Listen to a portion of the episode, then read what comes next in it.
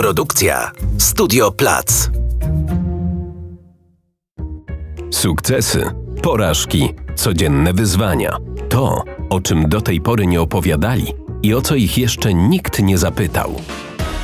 Liderzy i liderki największych organizacji i właściciele firm dzielą się w tym podcaście swoimi często niezwykłymi historiami. Dowiesz się, co pomogło im dojść tam, gdzie są, o co się potykali, jak podejmują decyzje, co ich martwi, a co bawi, ponieważ to, co najciekawsze, zawsze pada off the record. Zaprasza Kinga Zachariasz, na co dzień trenerka i mentorka skutecznych liderów.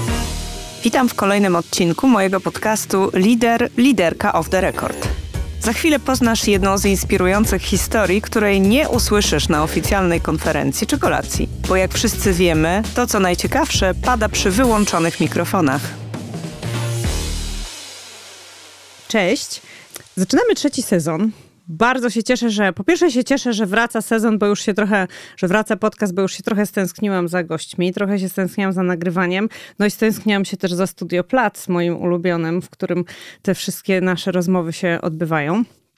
E, także zaczynamy trzeci sezon, a dodatkowo cieszę się, bo mam go, gościa, gościnię, e, która myślę, że świetnie się nadaje na taki pierwszy odcinek, e, bo na tyle, na ile się poznałyśmy, trochę to energii nam obu nie brakuje. Moją gościnią dzisiaj jest Karolina Wild, prezeska ISS Poland and Baltics, sportowiec, Polka, ale ekspatka, jak sobie zaraz powiemy. No i zdeklarowana optymistka. Zdecydowanie. Cześć Karolina. Cześć Kingo. Powiem ci tak, poznałyśmy się pod koniec zeszłego roku na e, takiej kolacji biznesowej to jest w ogóle podcast trochę o biznesach, a trochę o ludziach i myślę, że ty jesteś doskonałym przykładem i ciekawego biznesu, i ciekawego człowieka, bo y, teraz cię zaskoczę, jak cię, chyba cię zaskoczę, jak cię odebrałam. Posadzono nas przy jednym stoliku. Pomyślałam sobie, człowiek, uśmiech. E, to potwierdza tą, ten twój optymizm. Powiedziałaś mi, e, że, że pracujesz dla e, ISS i powiedziałaś, że to jest Integrated Facility Management i dziś ci się przyznam, że absolutnie nie miałam pojęcia, czym się zajmujesz. Nie jesteś jedyna. Uf.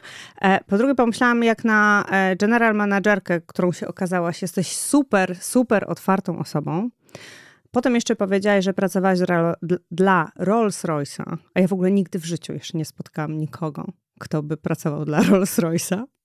E, a potem jeszcze powiedziałaś, że po 20 latach wróciłaś do Polski i to już w ogóle był e, e, koniec, bo pomyślałam, co tej kobiecie strzeliło do głowy, żeby wracać do Polski. Karolina, skąd ty się tutaj w ogóle wzięłaś? Ale może najpierw powiedz, czym zajmuje się ISS? Co to jest ten facility management? Dobrze, Kingo, przede wszystkim dziękuję Ci bardzo za zaproszenie. Bardzo się cieszę, że tutaj e, jestem i za takie wprowadzenie i, i w ogóle tą całą relację i Twoje e, spostrzeżenia z, e, na temat mojej osoby z tej kolacji, którą ja też bardzo dobrze wspominam. E, Okej, okay. tam wiele wątków w tym, więc, więc się do nich odniosę. Tak, przede wszystkim, co to jest ISS, tak? Integrated tak. Facilities Services, które pewnie już wygooglowałeś e, od, od naszego spotkania. E, to są zintegrowane usługi budynkowe. I jeżeli chodzi o budynki, to, to mówimy, czy to budynki biurowe, czy to fabryki, czy to hale logistyczne, czyli mm, tak kolokwialnie mówiąc, upewniamy się, że budynki są czyste, że klimatyzacja działa, że pracownicy mają dobre jedzenie, że są zaopiekowani. Więc te zintegrowane usługi facilities mają za zadanie zapewnić taki przyjemny dzień pracownikom naszych, e, naszych klientów e, w pracy.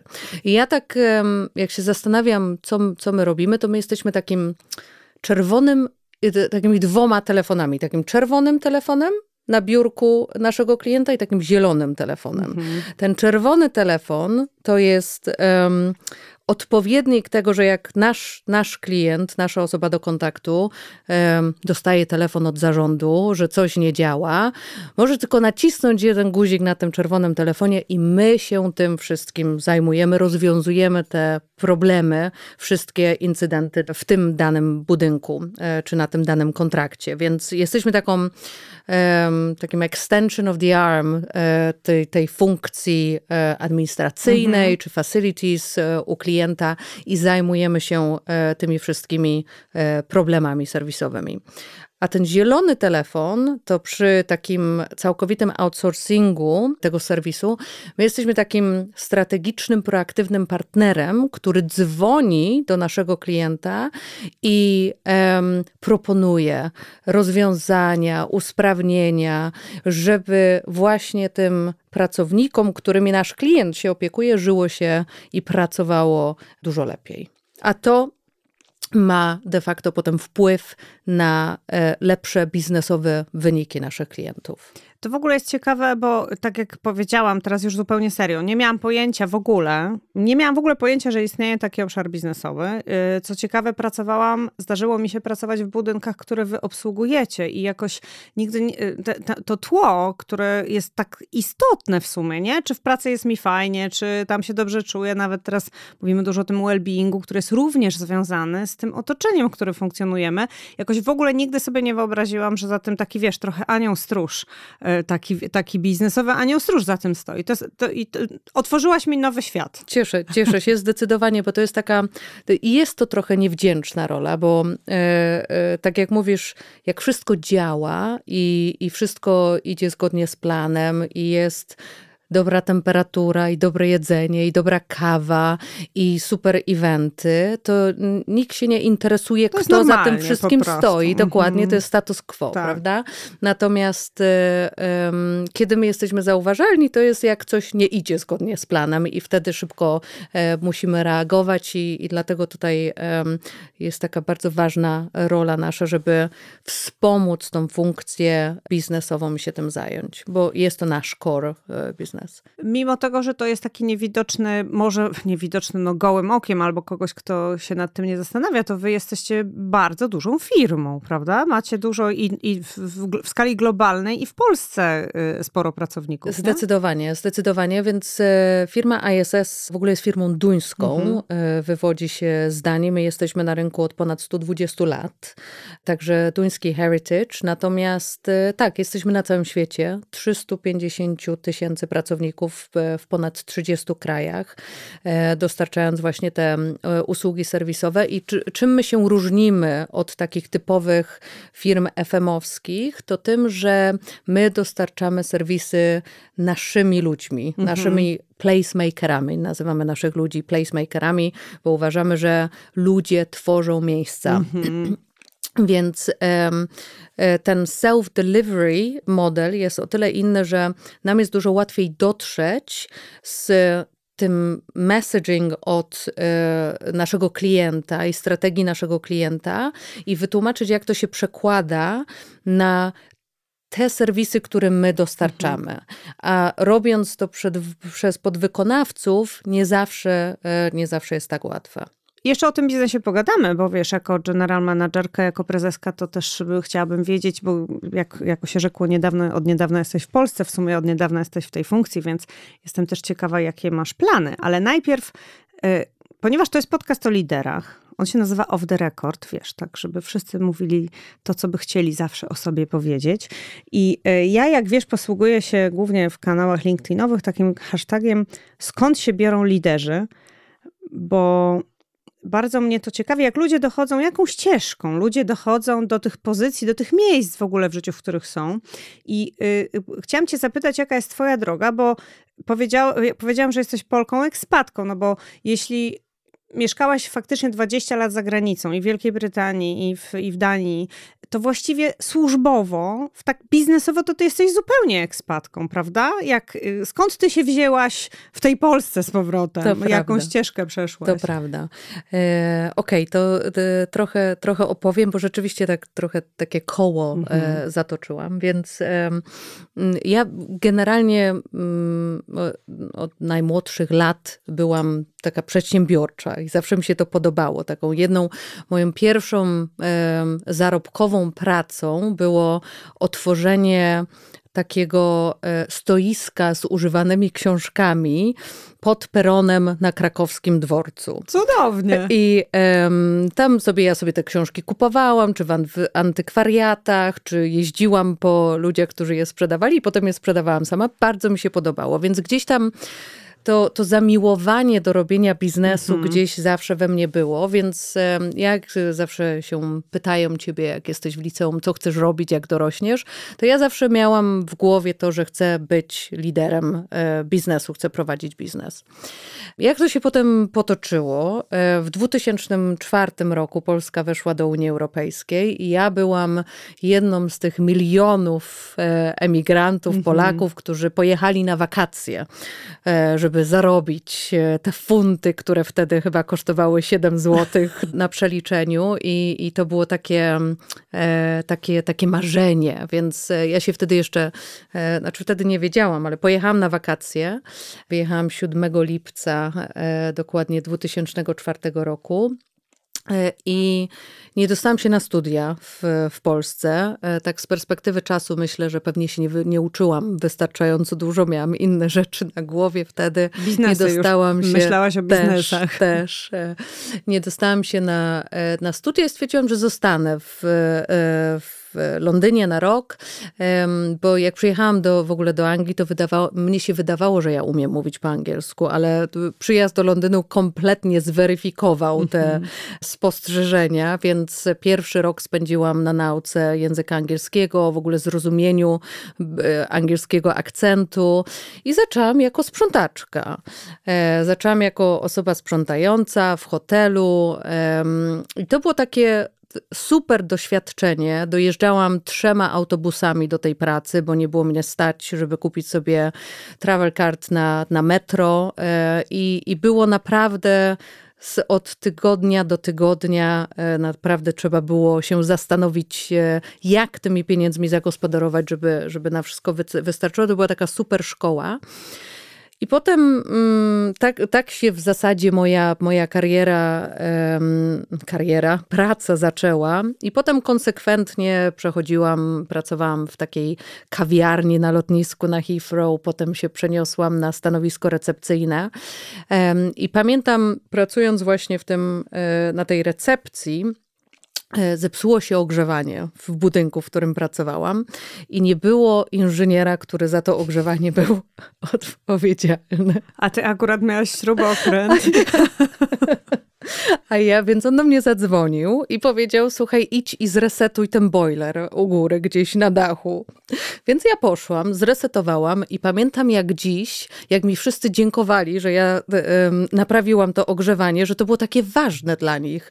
Ja sobie wtedy tak pomyślałam, to może ja ten facilities będę robić. No właśnie chciałam powiedzieć, że to się zaczyna, w ogóle to był twój tak. pierwszy taki kontakt. Taka styczność, tak. dokładnie, dokładnie. Ja wtedy, wtedy jeszcze w międzyczasie podjęłam studia już y, na, na Uniwersytecie w Londynie, zupełnie nie związane z facilities, bo e, akurat zaczęłam studiować księgowość i zarządzanie, bo wydawało mi się, że liczby to są takie same po polsku jak po angielsku, -hmm. więc mi będzie łatwiej.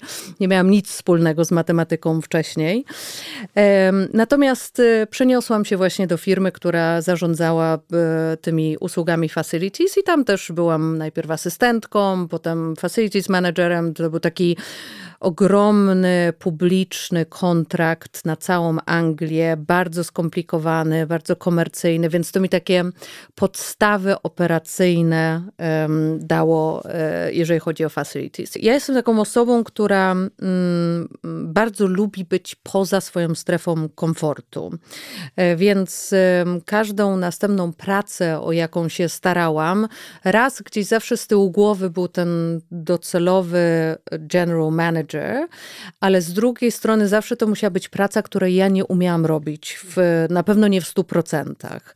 Bo wydaje mi się, może to jest takie dygresja, wydaje mi się, że kobiety jak się starają o pracę, to muszą odhaczyć wszystkie te punkty na um, ogłoszeniu o pracy, że, że my możemy to wszystko robić. Natomiast... Są badania, które pokazują, mm. że mężczyzna aplikuje, jak spełnia tam 60%, kobieta uważa, że musi spełnić 100%, żeby, żeby móc. Dokładnie. To też jeszcze inna dygresja, że widziałam ogłoszenia, no nie w Polsce o pracę, tylko właśnie w Stanach, gdzie e, było napisane w ogłoszeniu o pracę, nawet jeśli nie spełniasz wszystkich e, kryteriów, zachęcamy, żebyś się zgłosiła.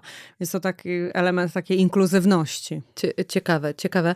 I ja właśnie zawsze tak podchodziłam, bo, bo wiem, że ja się lubię uczyć, lubię wyzwania, lubię właśnie ten, ten, ten, ten dyskomfort i wiem, że jakbym aplikowała pracę, które bym umiała już robić, to by mi nie dawało tego challenge'u. Mhm. Więc e, następną pracą, jaką e, podjęłam, to była taka e, międzynarodowa firma Facilities i praca polegała na opiekowaniu się kontraktem w całej Europie, Europe, Middle East and Africa. Więc to było takie mm, duże, duże wyzwanie dla mnie, bo ja nigdy nie pracowałam poza Anglią, ale latałam do egzotycznych egzotycznych i mniej egzotycznych miejsc, e, jak na przykład e, Uganda i otwierałam nowe biura dla klienta i wprowadzałam właśnie te, te serwisy facilities i to e, naprawdę dało mi niesamowite doświadczenie i nauczyło wielu takich rzeczy też związanych z przedsiębiorczością i, i właśnie takim prowadzeniem biznesu. Więc bardzo miło wspominam ten czas. Natomiast potem też właśnie w tej ścieżce e, wiedziałam, że chciałam pracować po stronie klienta, tak mhm. zwanego, czyli właśnie w tej funkcji supportowej, żeby zrozumieć perspektywę i potrzeby e, właśnie klienta. I stąd właśnie się wziął ten, e, ten Rolls Royce. Więc też ja w ogóle nigdy w fabryce nie byłam, już nie mówiąc o zarządzaniu jakąkolwiek fabryką, dopóki nie dostałam tej pracy. A tutaj jeszcze tylko podkreślę, że to był Rolls Royce, ale um, nie, nie samochody. samochody, dokładnie, które są produkowane przez e, BMW. E, natomiast e, silniki do samolotów lotniczych i komercyjnych, i, i wojskowych, i reaktory do łodzi podwodnych. Także zupełnie, zupełnie inny, inny element manufacturing. I pamiętam, jak dziś w moim pierwszym tygodniu pracy nowej straciliśmy prąd na takim właśnie ogromnym miasteczku i cała produkcja była wyłączona. E, a ja dzwoniłam do męża, żeby mi wytłumaczył, jak działa transformer. No, widzę, że masz, bo, znaczy tak, mm, w ogóle przełamujesz stereotypy, no bo tak, w ogóle, ta, w ogóle to nie jest, nie, znaczy nie jest, znowu ja tu, każdy człowiek patrzy przez jakiś pryzmat swoich stereotypów, ale jak sobie myślę, no to to nie jest branża taka, gdzie y, właśnie tam prąd, wiesz, ogrzewanie w hotelu naprawiłaś, prąd w fabryce, w ogóle takie utrzymanie budynków nie kojarzy się tak bardzo z takim kobiecym biznesem, nie? Widzę, że tak, a to też w tej, tej twojej historii bardzo takie ujmujące i wyraźne jest to, e, tak jakbyś ty miała to wszystko zaplanowane, że to chciałam, to wiedziałam, tego byłam pewna i to też jest niesamowite. To tak jest, że faktycznie tak miałaś zaplanowane, e, czy trochę było w tym przypadku?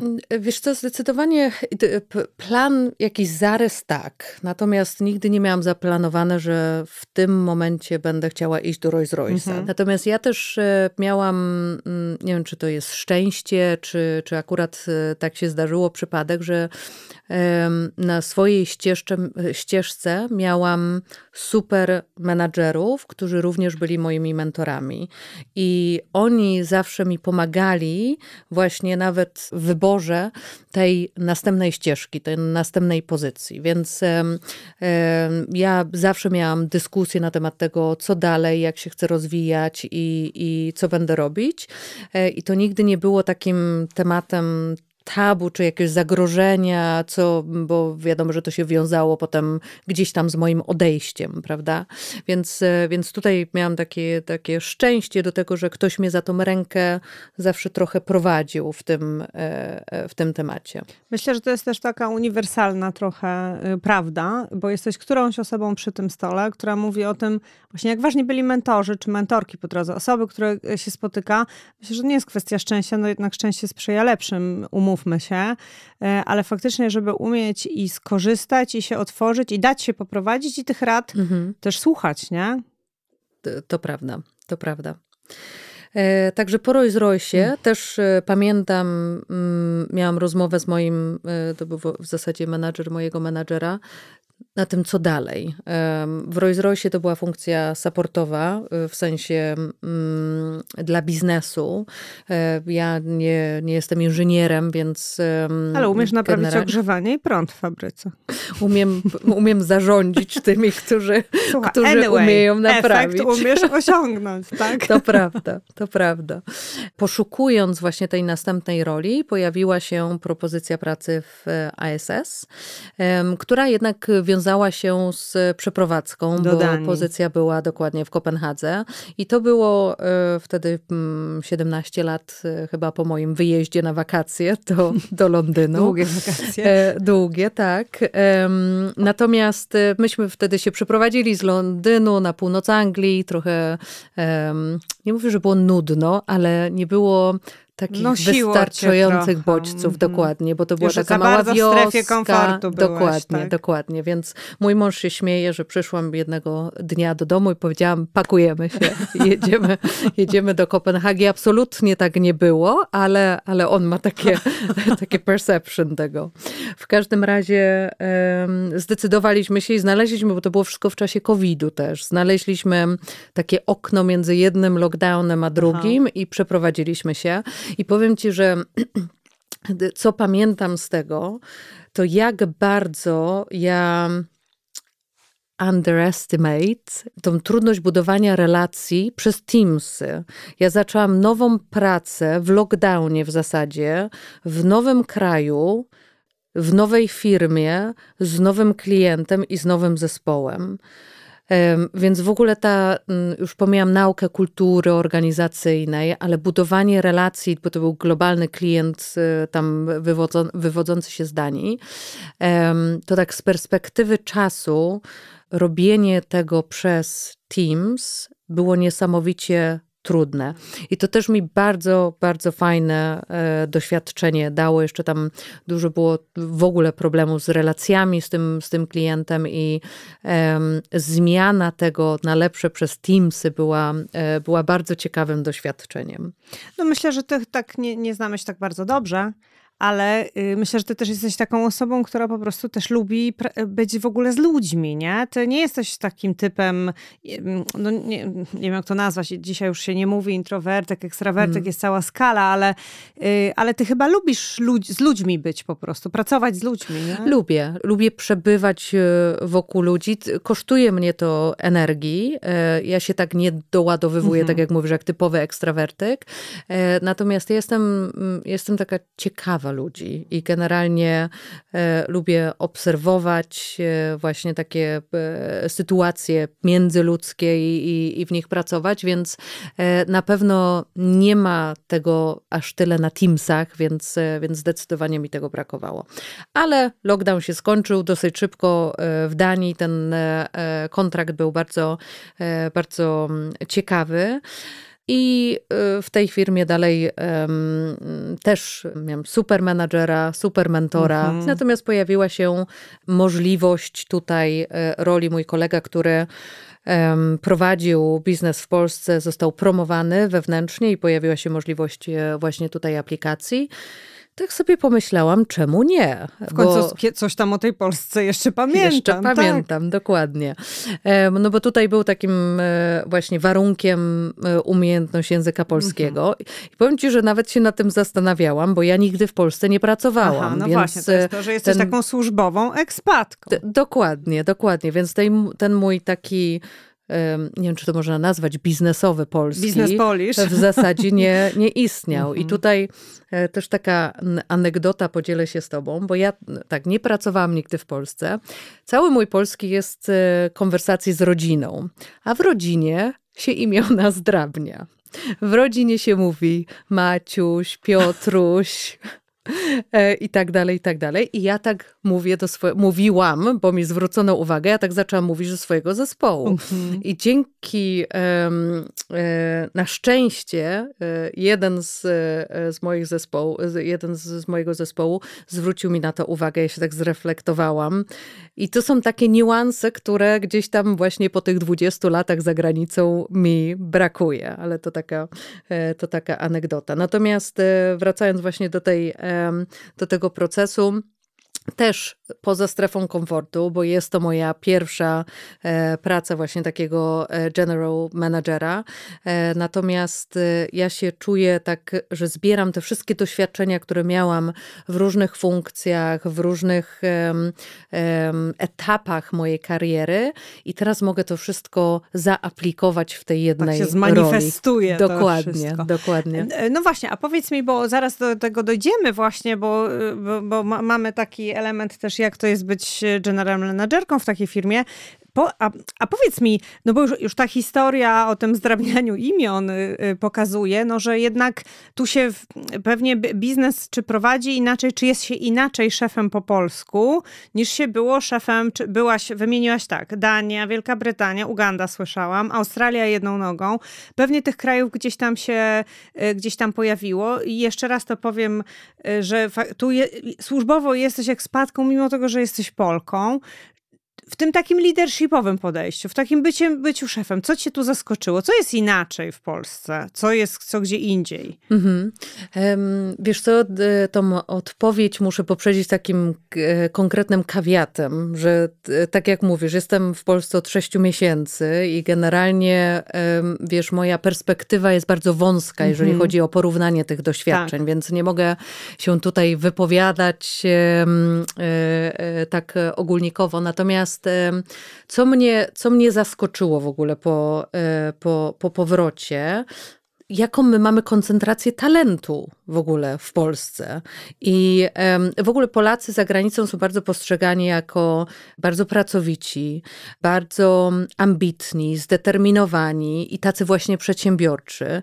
Ja to wszystko widzę. Jak na przykład wychodzisz na ulicę w Warszawie, to każdy jedno takie otwarcie e, witryna to jest, to jest coś. Ktoś robi jakiś biznes. I to jest, to jest niesamowite, że my sobie tak, że my sobie tak radzimy.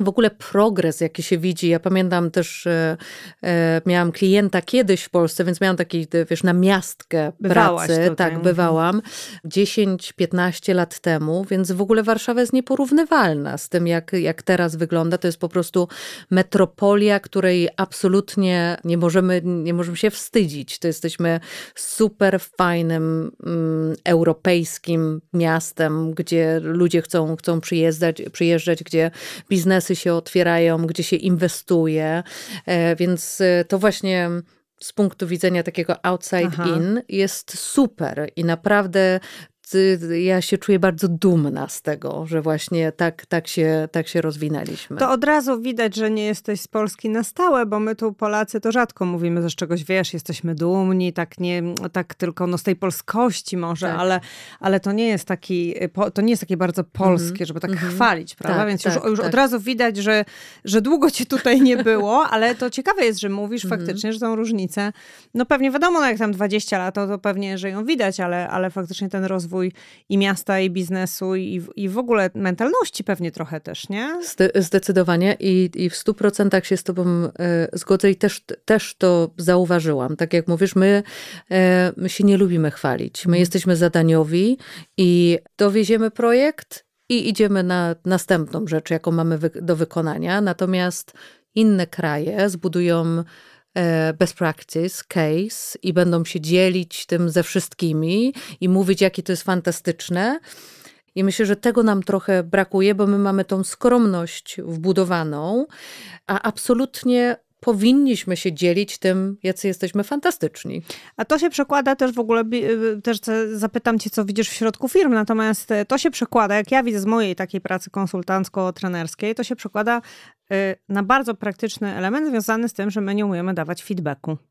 E, ani nie umiemy dawać pracownikom, ani specjalnie nie umiemy doceniać. E, I też mamy trochę kłopot nawet z takim, no bo tak Polak krytykuje, krytykuje, ale też nie umie konstruktywnie tego często y, lider tego feedbacku dać. No bo też tak uczymy, no nie zwracamy uwagi, tak właśnie ty to nazwałaś skromność skromność brzmi jak taki pewien rodzaj cnoty, yy, który akurat w tym przypadku się nie sprawdza, nie? No bo trzeba się umieć właśnie i też tak wewnętrznie i pracownicy też mają kłopot z tym, żeby się, się czymś pochwalić albo coś, yy, coś powiedzieć, że dobrze zrobili, ale też na przykład dać, nie wiem, feedback szefowi. Mm. To jest ta mentalność taka duża, przekłada się też na mentalność małą w organizacjach. Zdecydowanie, zdecydowanie.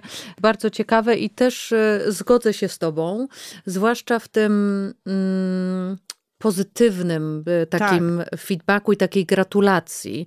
Ja um, przy okazji jakiegoś tam town hallu sobie przygotowywałam rzeczy i mówię podziękuję za to, podziękuję za to, bo naprawdę już wiele osiągnęliśmy i, i to było takie, e, takie fajne i chciałam, chciałam naprawdę to docenić e, i e, któraś osoba mi powiedziała, ale słuchaj, nie mów za dużo, żeby mm, nie to zepsuć. gdzieś tam, dokładnie, dokładnie. Żeby im się w głowach nie poprzewracało. Trochę tak. Mhm. I tak mi się wtedy pomyślał, to jest zupełnie inne. Zupełnie inne, bo um, z moich doświadczeń za granicą jest taki pozytywne mhm. napędzanie takim właśnie feedbackiem, encouragement, recognition. To są takie rzeczy na porządku dziennym, które Y, motywują w taki pozytywny sposób. Y, jeżeli chodzi o konstruktywny feedback, ciężko mi się wypowiedzieć, no bo nie widzę tego, jeżeli chodzi o, o czy tam jakieś performance review moich zespołów, więc y, bardzo ciekawa, ciekawa perspektywa.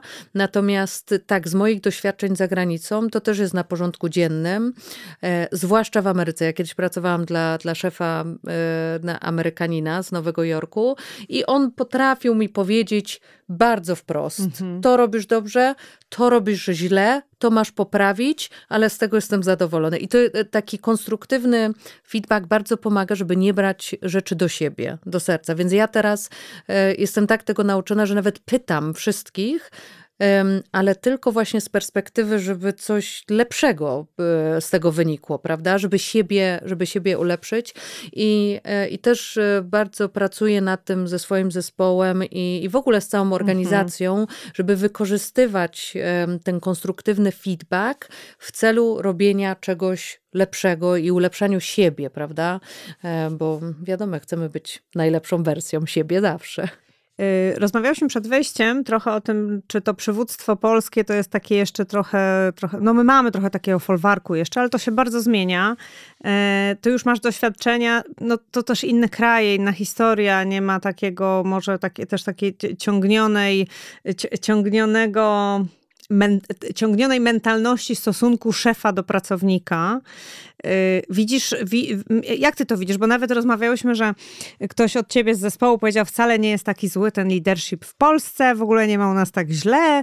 Y, ja, no, może powiem tak, widuję, z racji tego, że pracuję w bardzo wielu firmach, y, na pewno widzę tendencję chociażby w takich, znowu odniosę się do tego feedbacku, bo mam to ostatnio mocno w jednej z dużych organizacji na, na tapecie, że y, wiele organizacji nie mówi już, nie wiem, ocena roczna, tylko rozmo rozmowa rozwojowa. Więc nawet no, język kształtuje świadomość, więc to już inaczej brzmi. Idę na, do szefa na ocenę roczną, czyli tam już trochę tak, prawda, y, już się cały trzęsa, a rozmowa rozwojowa, no to już nawet samo to inaczej. Czy ty widzisz tą, widzisz tą różnicę? Jak ty na to patrzysz? Czy właśnie nie? Czy już Wiesz, jesteśmy tam, gdzie trzeba? Ci, y, bardzo, bardzo ciekawe, bo ten przykład, który, który dałaś, y, przypomniał mi, że ja też miałam właśnie performance review, bo to się nakłada, robimy performance review na, za cały rok i ustalamy gole, cele na, na następny. I, I po takiej rozmowie e, jedna z osób powiedziała, uff, bo się bałam, Jezu, czy właśnie. bałem. Tutaj już w I, Polsce, tak? Tak, tak. Mhm. I to mnie tak właśnie zastanowiło, że w ogóle mnie by przez myśl nie przeszło, żeby się bać rozmowy o, o performance, Aha. prawda? Bo um, tak jak mówię, wiesz, jak bierzesz to że taki feedback, jak będzie, to macie ulepszyć, to ja tylko taki feedback chcę, chcę słyszeć. Natomiast. I dawać. I, I dawać, oczywiście. Takie właśnie podejście, a co, co szef powie, no to jest y, w ogóle. Mm, nie, niekonstruktywne nawet dla tej samej osoby, prawda? Że, że jeżeli jest ten lęk przed tym, co, mhm. co się usłyszy, prawda? Ale no gdzieś może jeszcze jest to tam zakorzenione. Natomiast no, tak jak mówiłam, ja mam bardzo mały wycinek, żeby, żeby móc ocenić, jak to, jak to się dzieje na, na przestrzeni um, polskich organizacji. Um, za granicą jak najbardziej jest to bardziej konstruktywne, pozytywne, w celu ulepszania siebie, a co za tym idzie organizacji. Jedna rzecz, która mi się rzuciła y, w oczy, czy, czy zaobserwowała z tych interakcji, które już miałam okazję mieć przez ostatnie sześć miesięcy, to jest y, jednak y, brak różnorodności e, w, a co to znaczy? zespołach. Bo tu dużo się um, mówi, to ciekawe. To jest właśnie się, ciekawa jestem, co, co... Mówi się, różnorodność różnorodności, wiesz, dużo mówimy o różnorodności, mhm. jeżeli chodzi o płeć i tutaj um, widać, że um, może w jednych organizacjach bardziej, w innych mniej, natomiast um, ja nie widzę różnorodności, jeżeli chodzi czy to o kolor skóry, czy to o typowy background, ethnicity, mhm. czy to o wiarę, czy otwarte podejście do orientacji Aha. seksualnej. I to ja nie mówię, że my potrzebujemy tą różnorodność po prostu, żeby była, natomiast E, gdzie ja uważam to niesamowicie po, e, pomaga, to jest w różnorodności myślenia mhm. e, w takich zespołach, bo im więcej im, im inni, bardziej inny mamy background i z innych um, miejsc się wywodzimy, tym bardziej jesteśmy w stanie się challenge'ować i tym inny, bardziej inny punkt widzenia mamy. I to pomaga, żeby ten efekt naszych dyskusji, challenge'ów był taki um, lepszy, e, bo jak będziemy wszyscy tacy sami, to szanse są, że nasz punkt widzenia będzie bardzo podobny na wszystkie rzeczy, na, na wszystkie tematy i wtedy um, jesteśmy w stanie e, popełniać, e, czy, czy jest ryzyko, że te, te błędy będziemy popełniać bardziej. Więc tutaj wydaje mi się, że mamy jeszcze e, trochę do zrobienia. Ja się w ogóle absolutnie z Tobą zgadzam. Pytam o to, bo to ciekawe, że poruszyłaś ten wątek, bo wiele firm, szczególnie tych, które mają, wiesz, matki, y, matki za granicą, y, no to często te matki mówią: Słuchajcie, musicie tutaj mieć jakiś diversity, inclusion policy, w ogóle kodeks równego traktowania.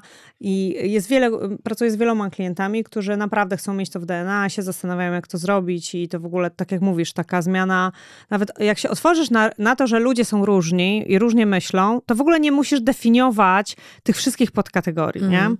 E, I zgadzam się z tobą, że m, tutaj w Polsce może też, wiesz, żebyśmy tacy nie byli, żeby nie była taka ja surowa strasznie, no to to jest temat stosunkowo nowy jednak. Mocno teraz nagrzany, nawet bym powiedziała momentami przegrzany. Najłatwiej powiedzieć mężczyzna, kobieta, bo to widać. Najłatwiej tak. tutaj sobie wyznaczyć cele, no chociaż w różnych branżach bywa inaczej, bo na przykład w IT wszyscy się biją o tą bardzo małą pulę dziewczyn, y, czy, czy w tych inżynierskich y, firmach o tą bardzo tak. małą pulę inżynierek.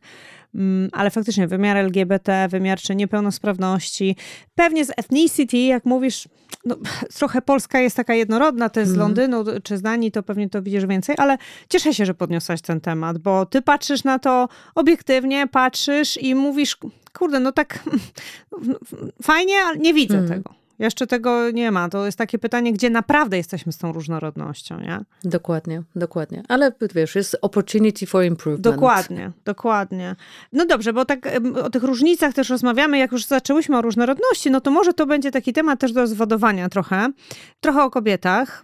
Nigdy mi się nie udaje uniknąć tego tematu, jak z kobietami. Zresztą panów też często zahaczam o to. Ale chciałam się zapytać o jeden, jedną specyficzną rzecz, którą, na którą zwróciłam uwagę Miałyśmy rozma okazję rozmawiać kilka razy, gdzieś tam się widzieć też w jakichś biznesowych sytuacjach. Ja podziwiam, jak ty networkujesz. Chciałabym powiedzieć, że networkujesz jak facet. E, a mówię o tym dlatego, że my często rozmawiamy o tym, ja jestem też w zarządzie takiego stowarzyszenia liderek i my zawsze mówimy, kurde, musimy ten networking biznesowy wykorzystać. Słuchajcie, my się nie możemy spotykać tylko po to, żeby gadać o dzieciach, czy tam, wiesz, gdzie, no nie, nie możemy tylko o rodzinie i o swoich problemach, tylko słuchajcie, musimy jasno powiedzieć, słuchaj, ja od ciebie potrzebuję tego, mogę ci zaoferować to i po pierwsze chciałam ci taki kudos dać do, do networku, do tego networkowania, bo widzę, że ty naprawdę z każdego spotkania w taki też elegancki sposób potrafisz wyjść z jakimś biznesowym kontaktem, ale też zaoferować jakieś, nie wiem, no coś tam zaoferować biznesowego. Czy to jest twoja cecha charakteru? Czy to jest takie też niepolskie, że, że, ym, że właśnie, że przywiozłaś to z niepolski jakiejś, że, że, ten, że to jest dla ciebie takie naturalne, że mówisz o biznesie z ludźmi, których spotykasz? Mhm. Nie wiem is the honest answer. E, w sensie, wiesz co, mi się wydaje, nie wiem, czy to jest polskie, czy nie polskie, mm -hmm. prawda? Bo też nie mam, e, nie mam porównania, chociaż wydaje mi się, że w Polsce też jest networking i, i w miarę działa, ale mówisz, że to bardziej faceci sobie dają, e, dają radę. Zdecydowanie. Natomiast, wiesz co, może to nie jest cecha charakteru, bo ja, ja chodząc na te spotkania nie, wiesz, nie idę z jakimś konkretnym celem, ok, muszę wy, wyjść wyjść z trzema wizytówkami, tak. umówiony, umówionymi kawami. Absolutnie jestem daleka od tego. Natomiast um, może co jest cechą charakteru, to ta moja naturalna. Um, takie naturalne zainteresowanie ludźmi, takie curiosity. I ja naprawdę chodząc na, to, na te spotkania jestem otwarta na to, że ja poznam jakichś ciekawych ludzi, z którymi będę mogła, których będę mogła posłuchać, nauczyć się czegoś, zdobyć jakieś doświadczenie, a przy okazji też e, podzielić się swoim. Więc ta moja chęć właśnie e, takiego poznania drugiego człowieka powoduje może to, że ja jestem dosyć taka naturalna właśnie w tworzeniu tych, e, tych e, relacji. Mm, tak, tak bym to ujęła. Nie, myślę, że czy, czy w Anglii wcześniej, czy e, i w Danii, w wszystkich innych miejscach na świecie, w których e, pracowałam, ten networking trochę inaczej wygląda, bo mhm. są też różnice kulturowe. I myślę, że to też pomaga, pomaga mi w budowaniu w takiego situational self-awareness, czy situational awareness. Te doświadczenia, które, które miałam z innych krajów, które też teraz wnoszę. Natomiast może to powiązane, wiesz, z tą moją nietypową historią mm -hmm. biznesowej Z tą różnorodnością, ekspertki. bo ty zobacz, jaką mm. masz w ogóle, ta różnorodność mm. to mhm. jest słowo o tobie, nie? Też. Różnorodność doświadczeń, no, mm. prze, przejechałaś się przez mnóstwo i funkcji, i, i, i, krajów, i ludzi, nie? Takich, którzy, od których brałaś różne rzeczy. Może to, to też z tego w ogóle większa otwartość, taki brak kompleksów, bo na, myślę, że ich nie masz specjalnie biznesowo na pewno, nie? Biznesowo na pewno nie. e, bo, a może to jest tak, że wiesz, że w ogóle nie chwal się, siedź w kącie, nie chwal się, co, co robisz, bo y, naprawdę ja w, w, ostatnio tak do tego networku, bo naprawdę patrzę, patrzę na ciebie z podziwem. Dziękuję. E, ostatnio w ramach właśnie naszego stowarzyszenia zrobiliśmy spotkanie networkowe, w którym była mowa, każda z nas mówi do siebie w parach po pięć minut, czym się zajmuje i czego od ciebie potrzebuje. I mm, Boże, jak to tak się. Mm, dobra, no dobra, ale tylko biznesowo. W ogóle nic. O, I dostałyśmy feedback, y, że to było najlepsze spotkanie networkowe, na jakim były. Ale zobacz, kobiety potrzebowały dostać jakiegoś takiego przyzwolenia Żeby od mówić. organizatorek, mm przyzwolenia, że słuchajcie, teraz dwie godziny zajmujemy się wyłącznie tym, czego mogę od ciebie biznesowo potrzebować. Hmm.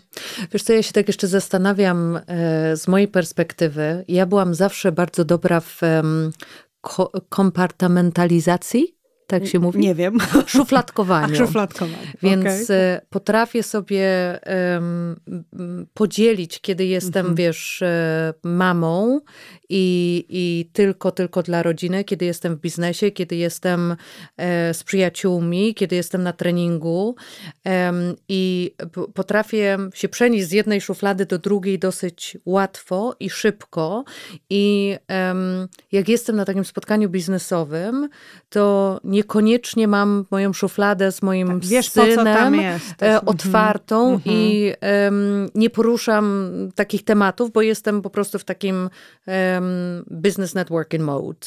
E, natomiast jak jestem w domu, czy na imprezie rodzinnej, to jestem wtedy w, e, wiesz, e, funny mommy mode. No to muszę to jakoś jeszcze ciebie poobserwować chyba i pobadać, bo właśnie przyszło mi tak, to, to znaczy w ogóle to jest super taka umiejętność, żeby sobie oddzielić rolę, w której jestem w danej roli. Byłam ostatnio na spotkaniu takiego, takiej grupy community cyber, ko- kobiety w cyber security, naprawdę, na sali, wiesz, IQ miliard. Wchodzisz na salę, jest IQ miliard, same kobiety właśnie z cyber security. Wykład był o neuroprzywództwie. No i taki był dość swobodny, y, rozmowa tam szła, przykłady. W pewnym momencie zaczyna, ktoś podaje przykład, albo mój syn. Druga mówi, no albo mój mąż. I potem już leci to całe. I powiedziałam do koleżanki, właśnie Eli Wojciechowskiej, którą pozdrawiamy w ogóle, Bardzo. e, że mówię, zobacz, gdyby to byli sami faceci, nie padłby ani jeden przykład o dzieciach. W ogóle by im się to nie skojarzyło z dziećmi, tylko szukaliby jakichś innych. I to no jest, ja, ja nie wiem, czy to jest dobrze, czy to jest źle, bo to buduje relacje i zupełnie, zupełnie inna energia jest na takich spotkaniach, ale czy, te, czy, czy z tego spotkania wyszły jakieś biznesy? Nie jestem o tym przekonana. Mm. Bo Wiesz co, ja uważam, że we wszystkim jest balans. Mhm. Też nie, nie uważam, że jak się chodzi na spotkania biznesowe, to się nie opowiada, wiesz, nie powinno się w ogóle Mhm. mówić o rodzinie, czy o dzieciach, czy, czy o, o życiu prywatnym, prawda? E, Wręcz przeciwnie, uważam, że to z, zmniejsza dystans i buduje, i buduje relacje. Ja bardzo chętnie i otwarcie opowiadam i dzielę się, nie mam z tym żadnego problemu. Em, Natomiast e, trzeba umieć wyczuć, gdzie i z kim taką konwersację warto przeprowadzić. I myślę, że to też się, em, wiesz, odnosi do tego, e, tej umiejętności czytania ludzi i zainteresowania ludźmi, bo e, jeżeli jesteś w stanie ocenić, ok, ta osoba no nie ma vibe'u, nie chce, nie chce słuchać o rodzinie, jeżeli nie jesteś w stanie tego powiedzieć, to można ją potem zanudzić i, i wtedy się tej wizytówki nie dostanie. No dobrze, ponieważ powolutku gdzieś tam będziemy szły do końca, ale chcę zapytać, to się wszystko, to w ogóle się wszystko szyje. I o tym docenianiu innych, i o docenianiu siebie, i o takim bez, ym, bezkompleksowym mówieniu o tym, co się robi. Zapamiętałam, jak powiedziałaś mi kiedyś, Kinga, ja to w ogóle lubię być tą general managerką. Ja czuję, że nareszcie mogę rozwinąć skrzydła, że, że to jest coś dla mnie. I to też nie jest takie typowe, żeby właśnie też rozmawiamy bardzo często, że kobiety to nie umieją powiedzieć, jestem dumna z mojego sukcesu i w ogóle nareszcie, kurde, to jest super, teraz w ogóle mogę jechać, nie? Szeroko. Jakie plany dla siebie rozwojowe i dla firmy, i dla ludzi, i tak liderską ma dla siebie y, y, Karolina Wild, general managerka, którą lubi być bardzo. E, Wiesz co, ja to tak mówię ludziom, że ja to się w ogóle urodziłam do tej pracy. Nie dlatego, Jest, że w ogóle nie mam co do tego wątpliwości. ale nie dlatego, że ja ją umiem tak, wiesz, dobrze robić. Nie, nie, ja to, nie, ja to oceniam. Zobaczymy po wynikach tam za, za jakiś czas. Natomiast e, e, ja po prostu uwielbiam tą pracę. I uwielbiam właśnie raz z racji tego, że jak mnie challenge'uje i, i właśnie mam, jestem totally ou- out of my comfort zone i z tym się bardzo, bardzo dobrze czuję. E, A dwa, właśnie różnorodność wyzwań, problemów, projektów jest, jest tak niesamowita, że mm, i, i właśnie możliwość połączenia tych wszystkich doświadczeń, które miałam e, z poprzednich e, prac, tak się wszystko w jedno spoiło i dlatego, dlatego ja ją tak, u- te, tak uwielbiam. Więc e, plany mam, jak to się mówi, big, hairy, audacious goals. To jest e, e, jedno Wielki, wielkie... włochaty, bezczelny cel. Dokładnie, dokładnie. celów. Taka ogromna, ogromna szuflada dla mnie. Z perspektywy rozwoju, bo tak o tym, o tym rozmawiamy, leadershipu. ISS jest taką firmą, która kładzie ogromny nacisk na e, robienie dobra. Mhm. Jesteśmy organizacją komercyjną, oczywiście tego się nie da, nie da ukryć. Jesteśmy na giełdzie, musimy dostarczać wyniki. Natomiast co ja uwielbiam w ASS-ie i to jest jedna z, jeden z powodów, dla których ja w ogóle dołączyłam, to jest to, jak firma dba o człowieka i, i jak chce robić dobro dla, dla człowieka. Tak jak mówiłyśmy, ponad 350 tysięcy osób na całym świecie. Jak dodamy do tego rodziny, to my jako firma mamy wpływ na ponad, na ponad milion osób. Dotykacie I, życia do, miliona dokładnie, ludzi. Mhm. Dokładnie, więc już my mamy taką odpowiedzialność, żeby, żeby czynić świat lepszym e, właśnie e, przez, e, przez pomoc i wpływ, wpływ na tych ludzi. I takie, takie dwie rzeczy, które mamy. Jedna to jest living wage, to jest koncept z Wielkiej Brytanii, czyli godne wynagrodzenie. I my jako firma chcemy, żeby nasi pracownicy, zwłaszcza ci serwisowi, którzy zazwyczaj zaczynają na tym najniższym szczeblu na płacy minimalnej, mm, mieli to living wage, mieli tą godną godną płacę.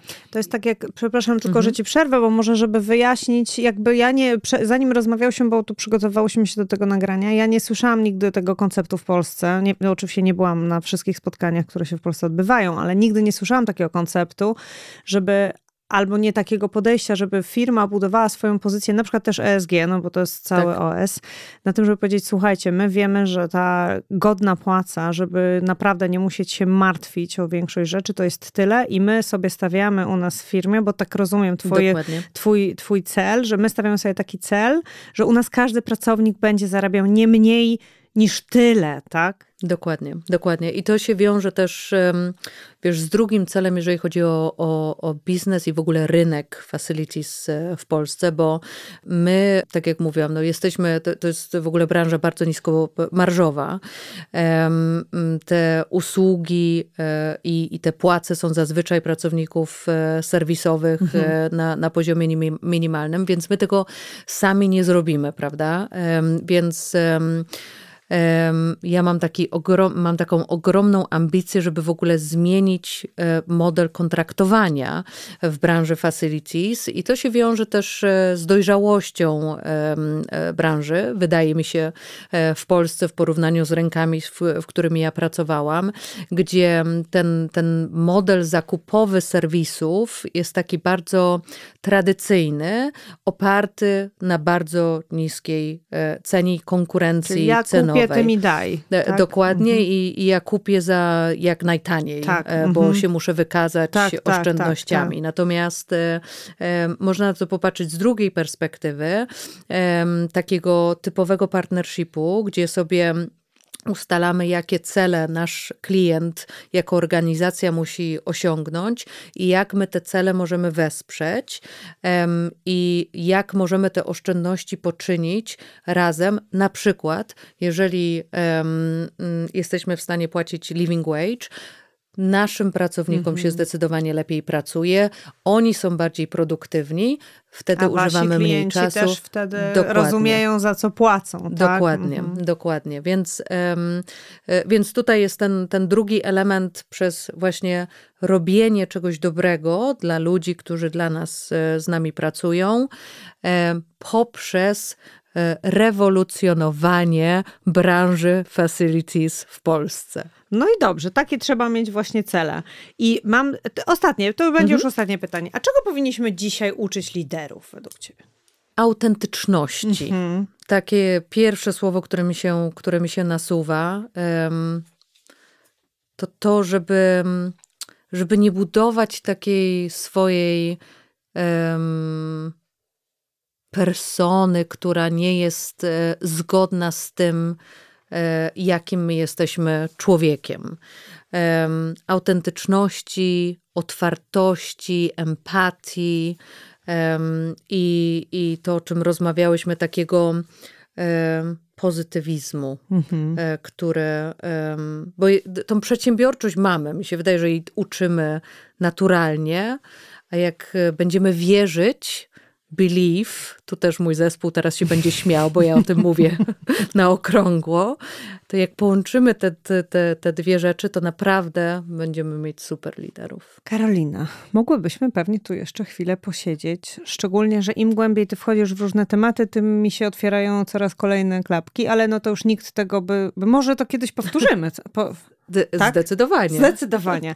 E, a dzisiaj bardzo Ci dziękuję i e, na, myślę, że to będzie fajne, fajne otwarcie e, trzeciego sezonu. Bardzo Ci dziękuję, że do mnie przyszłaś tutaj do studia. Ja dziękuję bardzo za zaproszenie i czekam na ponowne.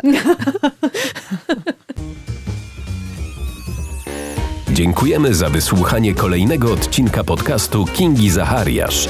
Jeśli podobają Ci się tak podane treści, zaobserwuj podcast na Spotify, aby nie przegapić kolejnych odcinków i zostaw swoją opinię na Apple Podcasts. Wszystkie odcinki dostępne w głównych platformach streamingowych: Spotify, Apple Podcast, Google Podcast. Produkcja Studio Plac.